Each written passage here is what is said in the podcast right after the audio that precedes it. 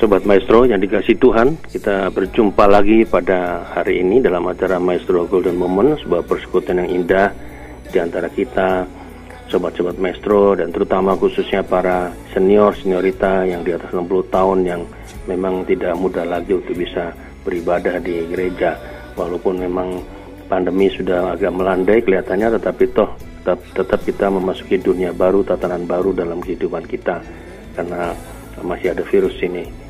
Nah, saudara-saudara kita akan belajar kembali firman Tuhan pada hari ini. Kita akan membaca nanti dari Yohanes pasal 13 dan Matius pasal 5 dan temanya kita adalah mari kita melakukan perintah baru Tuhan Yesus yaitu kita mencintai tanpa batas. Mari kita berdoa sebelum kita membaca dan merenungkan firman Tuhan. Ya Tuhan, ajarlah pada kami untuk kami boleh melakukan firman-Mu dalam hidup kami. Karena kami tahu ya Tuhan bahwa firman-Mu itu adalah berita bagi kakiku dan suluh bagi jalanku. Jalan kami semua yang ada di depan. Kami tidak tahu ya Tuhan mengapa kami harus seperti sekarang ketika kami tiba di usia lanjut. Mengapa kami baru merasakan kesulitan sekarang ketika kami sudah merasa tua. Tapi itulah jalan hidup yang di depan kami yang kami nggak tahu dan kami hanya bisa menyerahkan perjalanan hidup kami ke depan dalam iman kami kepada Tuhan melalui pelita suluh yaitu firman-Mu yang memandu kami. Jadi apa pun yang terjadi pada hidup kami, kami tetap percaya, kami tetap akan pegang firman-Mu. Karena hanya firman itulah yang membuat kami bisa bahagia menjalani hidup ini. Bapak kami akan belajar kembali firman-Mu. Dan bahkan hari ini sebetulnya adalah inti dari firman-Mu itu sendiri. Karena itu adalah inti daripada Kristus. Inti, inti inti daripada Allah. Allah itu adalah kasih. Yesus itu hakikatnya kasih. Roh Kudus juga itu adalah berfungsi untuk mengasihi menyertai kami. Itulah inti daripada kekristenan. Inti daripada panggilan kami mengikut Tuhan Yesus. Tanpa ini ya Tuhan semuanya sia-sia. Ya. Sekalipun kami bisa bernubuat, sekalipun kami bisa berbicara panjang lebar, berretorika, sekalipun kami mungkin menjadi orang hebat, tapi tanpa kasih, semuanya akan nol, akan sia-sia. Maka Bapak, ajarkanlah pada kami supaya kami mau menjalani hidup ini dalam perintah yang baru yang Tuhan sampaikan pada kami untuk saling mengasihi. Mengasihi dengan tanpa batas. Berkati hambamu, berkati kami semua, roh kuduslah yang bekerja dalam acara firman pada hari ini. Dalam nama Tuhan Yesus kami berdoa. Amin. Sobat Maestro yang dikasih Tuhan, pada hari ini kita akan kembali belajar firman Tuhan dari Injil Yohanes pasal pertama kita akan baca dari Yohanes pasal 13 saudara-saudara ayat 31 sampai 35 ya. Yang diberi judul yaitu perintah baru ya. Perintah baru. Itu judulnya yang diberikan oleh lembaga kitab Indonesia. Lalu nanti kita akan baca Injil Matius pasal 5 ayat yang ke 44 Ya, sekarang kita baca Yohanes 13 ayat 31 sampai 35. Sesudah Yudas, Yudas Iskariot, ini maksudnya pergi, berkatalah Yesus, sekarang anak manusia dipermuliakan dan Allah dipermuliakan di dalam dia. Jikalau Allah dipermuliakan di dalam dia, Allah akan mempermuliakan dia juga di dalam dirinya dan akan mempermuliakan dia dengan segera Hai anak-anakku, hanya seketika saja lagi aku ada bersama kamu.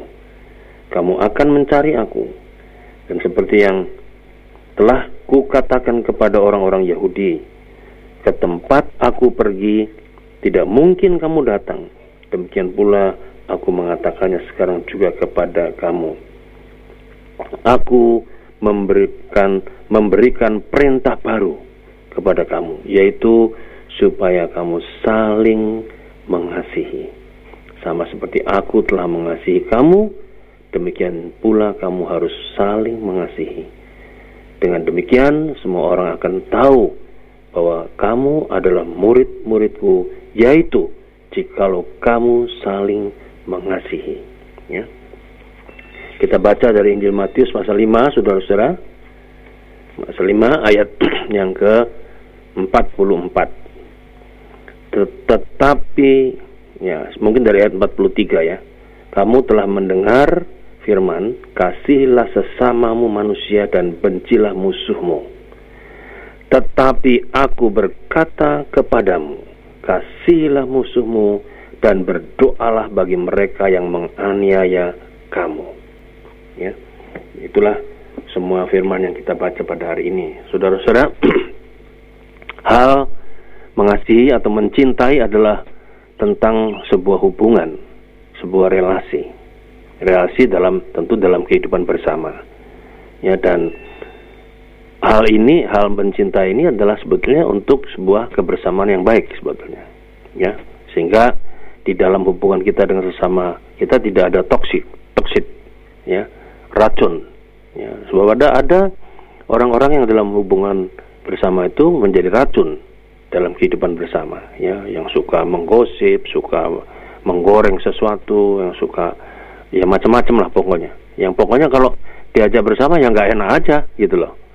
Nah itu jadi racun itu sebetulnya. Nah saudara-saudara saya hari ini kita akan belajar tentang satu hal yang bagus ini yaitu hubungan hubungan supaya nggak jadi racunnya ada kita harus mengikuti perintah baru yaitu apa mencintas ya saudara-saudara saya mau menggambarkan dengan sebuah sebuah pengandaian gambaran gini. Pada suatu kali ada seorang anak protes keras terhadap ibunya karena sang ibu memberikan hadiah kepada adiknya yang bandel.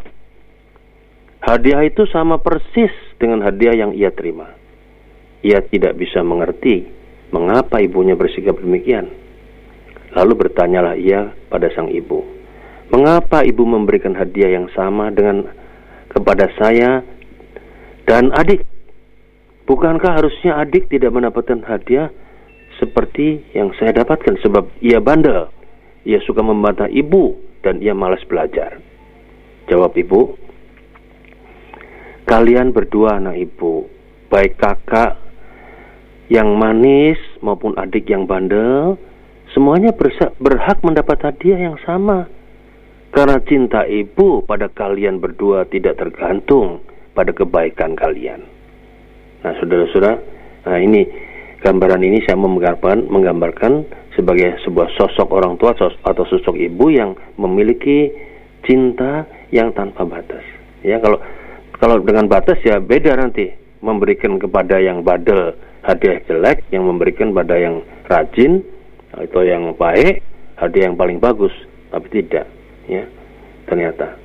Jadi pemberian hadiah ibu ini kepada anak-anaknya tidak ditentukan oleh kebaikan anak-anaknya kepada sang ibu. Nah, jadi ibu ini sebetulnya memiliki cinta tanpa batas. Ya.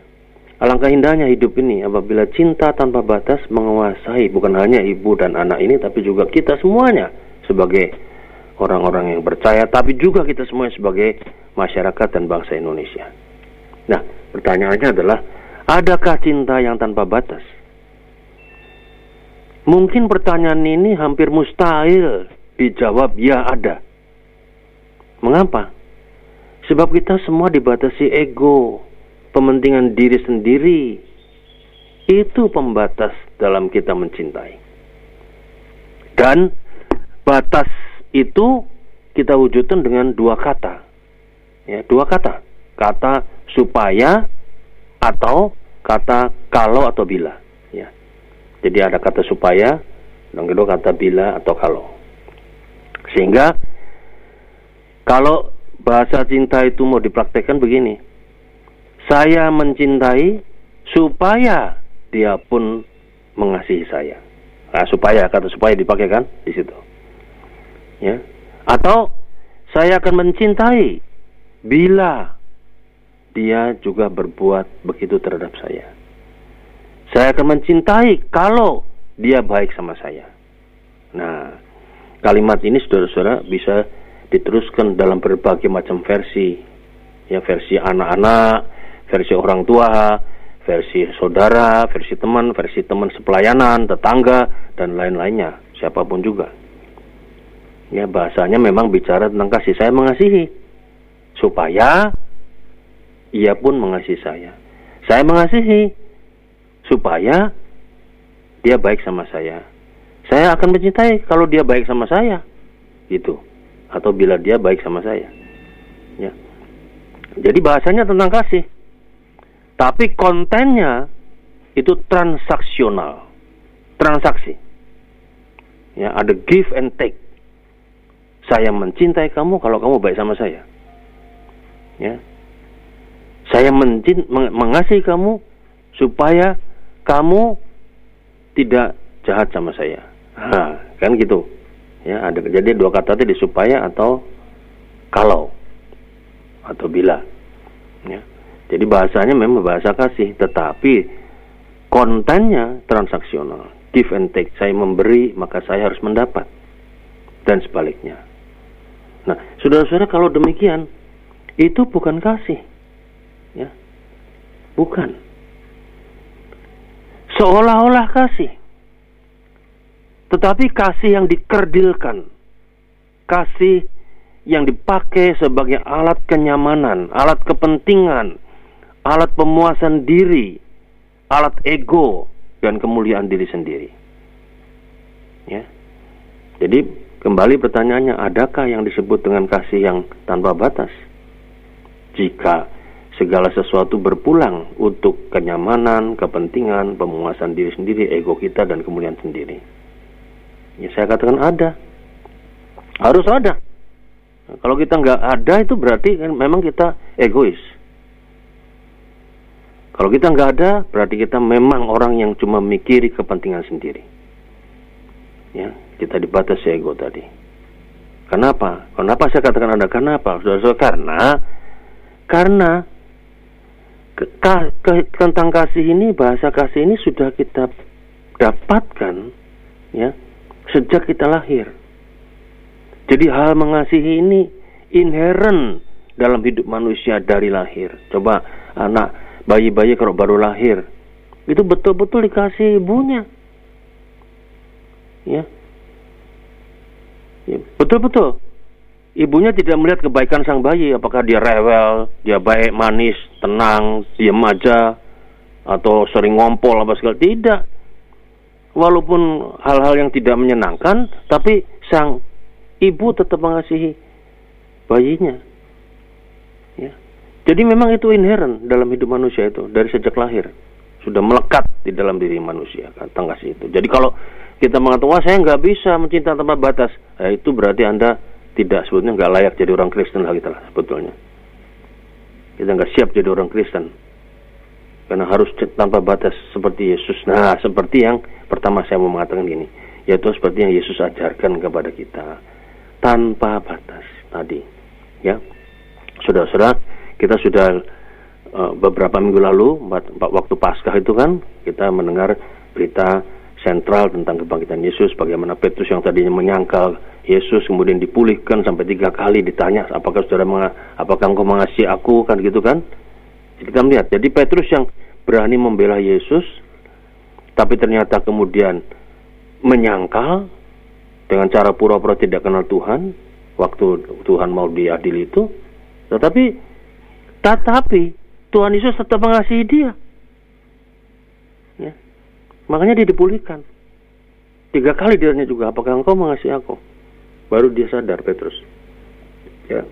Nah, bukankah dalam beberapa hal kita mirip-mirip Petrus? Ingin mengikuti Yesus, ingin melayani Yesus, ingin dekat dengan Yesus, namun akhirnya terus-terus kita menyangkal dia.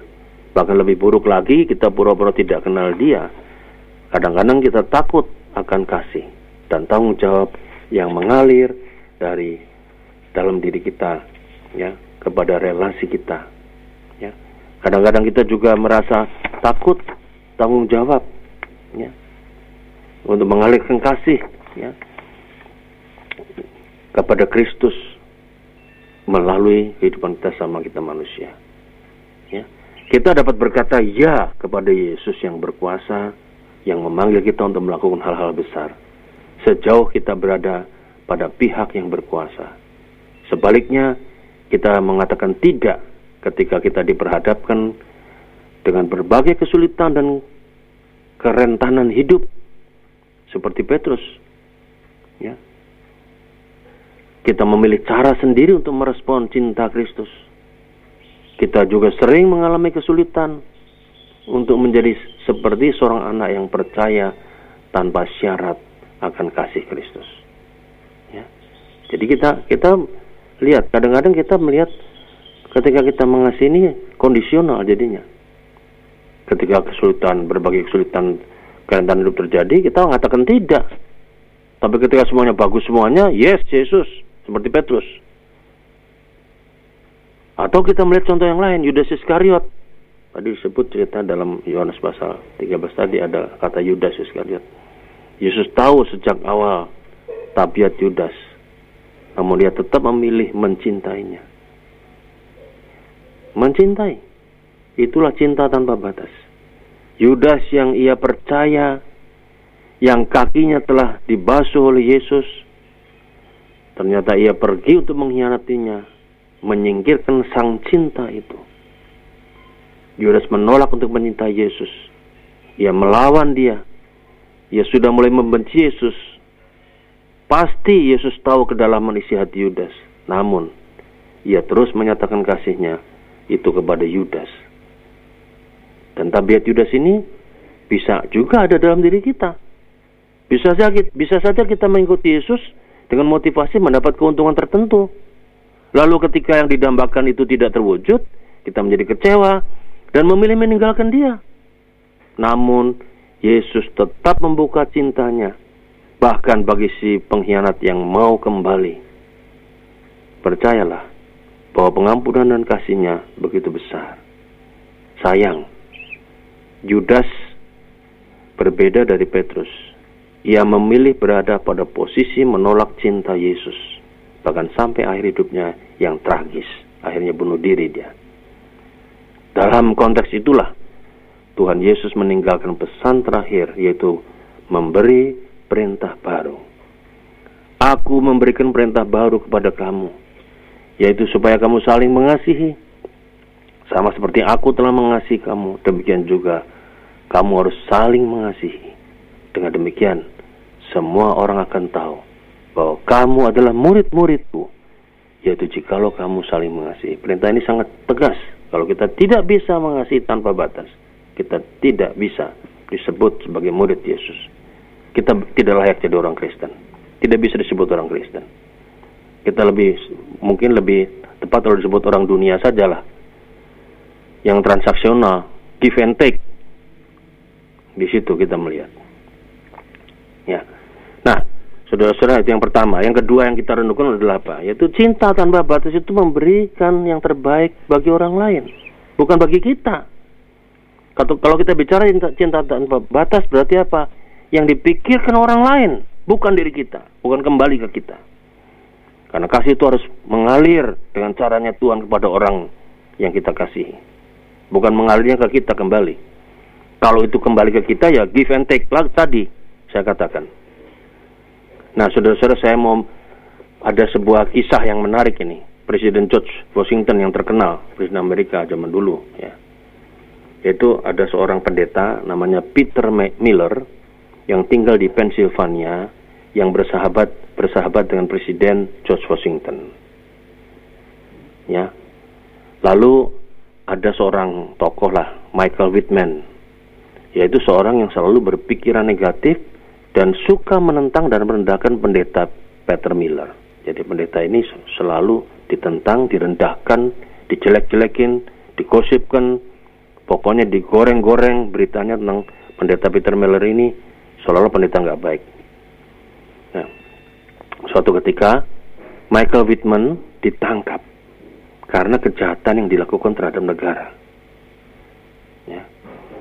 Mendengar berita itu, sang pendeta yang dijelek-jelekin oleh apa Michael Whitman ini yang digosipkan yang digoreng seolah-olah pendeta nggak benar itu dia menempuh perjalanan 112 km dari tempatnya untuk menemui Presiden George Washington dan meminta grasi untuk Whitman. Lalu George Washington mengatakan gini, lo maaf, saya nggak bisa memberi grasi untuk temanmu itu. Lalu kemudian pendeta Peter Miller mengatakan, itu bukan teman saya.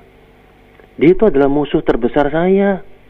Dia itu orang yang nggak suka sama saya, yang suka jelek-jelekin saya, yang menggosipkan saya, yang merendahkan saya, yang menganggap saya pendeta nggak benar.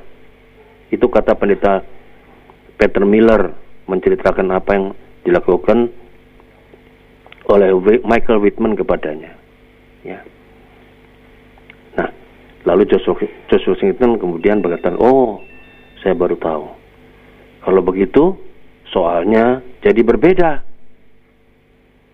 Saya akan memberikan grasi untuk Michael Whitman ya. Karena tidak mudah orang mau menempuh perjalanan 112 km untuk kepentingan seorang musuh, kata George Washington. Jadi kemudian pendeta Miller mengeluarkan Whitman dari penjara dan membawanya pulang karena dapat gerasi dari George Washington. Ia bukan musuh lagi, tapi sudah menjadi sahabat. Saudara-saudara, itu cerita yang benar, cerita nyata-nyata itu. Yesus mencintai tanpa batas. Maka dia mengampuni musuh-musuhnya. Mengampuni musuh adalah wujud cinta tanpa batas. Dengan memberikan yang terbaik bagi musuh kita. Mungkin tidak baik dan tidak enak buat kita. Tapi yang jelas, itu yang terbaik buat musuh kita. Cinta tanpa batas itu membebaskan sang pencinta dari kepentingan-kepentingan diri, dari ego, Walaupun alasan-alasan untuk diri sendiri itu sangat rasional, masuk akal. Kalau kita diberi perintah baru sebenarnya Tuhan Yesus sedang melatih kita untuk menjadi orang yang berjiwa besar dengan mencintai tanpa batas. Yang terutama bukan untuk mengingatkan bahwa kita ini adalah orang yang baik. Tidak, tetapi bahwa kita ini adalah orang yang penuh dosa dan butuh pengampunan dari Tuhan. Bukankah tidak adil jika Tuhan yang telah mengampuni kesalahan kita dan kita tidak bersedia mengampuni sesama kita? Yesus mengajarkan agar kita mengampuni, mendoakan, memberkati musuh kita. Itu adalah wujud konkret mencintai tanpa batas. Ingat, ada perumpamaan Samaria yang orang Samaria yang murah hati. Ingat, ada perumpamaan tentang orang yang berutang, ya, ya kan? utang, utangnya dilunasi oleh majikannya, tapi orang-orang itu punya piutang kepada hambanya. Piutangnya cuma sedikit. Ya. Perbandingannya besar hutang dia sama majikan dengan piutangnya dia kepada hambanya sangat besar bedanya. Tapi Tuhan sungguh luar biasa. Makanya Tuhan mengatakan mengampuni itu harus 70 kali 70 kali 7 kali. Itu. Seperti apa penerapan cinta tanpa batas? Ya, kita harus berani mengampuni. Seperti Kristus mengampuni Petrus, Yudas, dan banyak yang lainnya. Ada mungkin di, di antara kita sebagai orang Kristen berkata, Pak, saya sudah mengampuninya, tapi saya tidak mau bertegur sapa dengan dia lagi. Nanti bisa, dia bisa melukai hati saya lagi. Jadi saya pilih jarak aja jaga jarak supaya tidak ada konflik. Ya, saudara-saudara, memang ini kelihatannya mengampuni, tapi ini mengampuni tetapi tidak total. Mengampuni seharusnya dilakukan sampai pulihnya hubungan. Karena kata mengampuni itu dalam bahasa asli Alkitab itu artinya apa? Melupakan sampai mendelet, melupakan, dilupakan itu hal-hal yang membuat kita tidak mengampuni itu, ditinggalkan, dibuang. Itu artinya. Ya. Jadi pengampunan itu harus seharusnya dilakukan sampai pulihnya hubungan. Mengampuni hingga kita siap untuk dikecewakan lagi. Memang sulit, tetapi itulah hakikat kasih. Cinta tanpa batas. Bukankah ini yang Yesus lakukan hingga hari ini kepada kita? Apa jadinya kalau Yesus memilih untuk mengampuni kita, tetapi Dia mengambil jarak dengan kita? Yesus tidak melakukan itu. Yesus tidak mengampuni atau mengasihi dengan cara transaksional. Ya, saya mengampuni kamu supaya kamu dekat sama saya, kamu kamu mengasihi saya terus. Tidak. Ya, kita melihat itu Yesus. Yesus memilih untuk mengampuni kita. Dan bukankah ia siap untuk dilukai oleh kita lagi? Bukankah kita sering kali melukai Yesus? ketika Yesus sudah mengampuni kita. Kita berdosa lagi pada dia. Berdosa lagi pada dia. Tapi dia siap selalu mengampuni kita. Itulah perintah baru. Mencintai tanpa batas. Ya, caranya sederhana. Kita berani mengampuni secara total. Mari kita mempraktekkan perintah baru. Mencintai tanpa batas. Amin.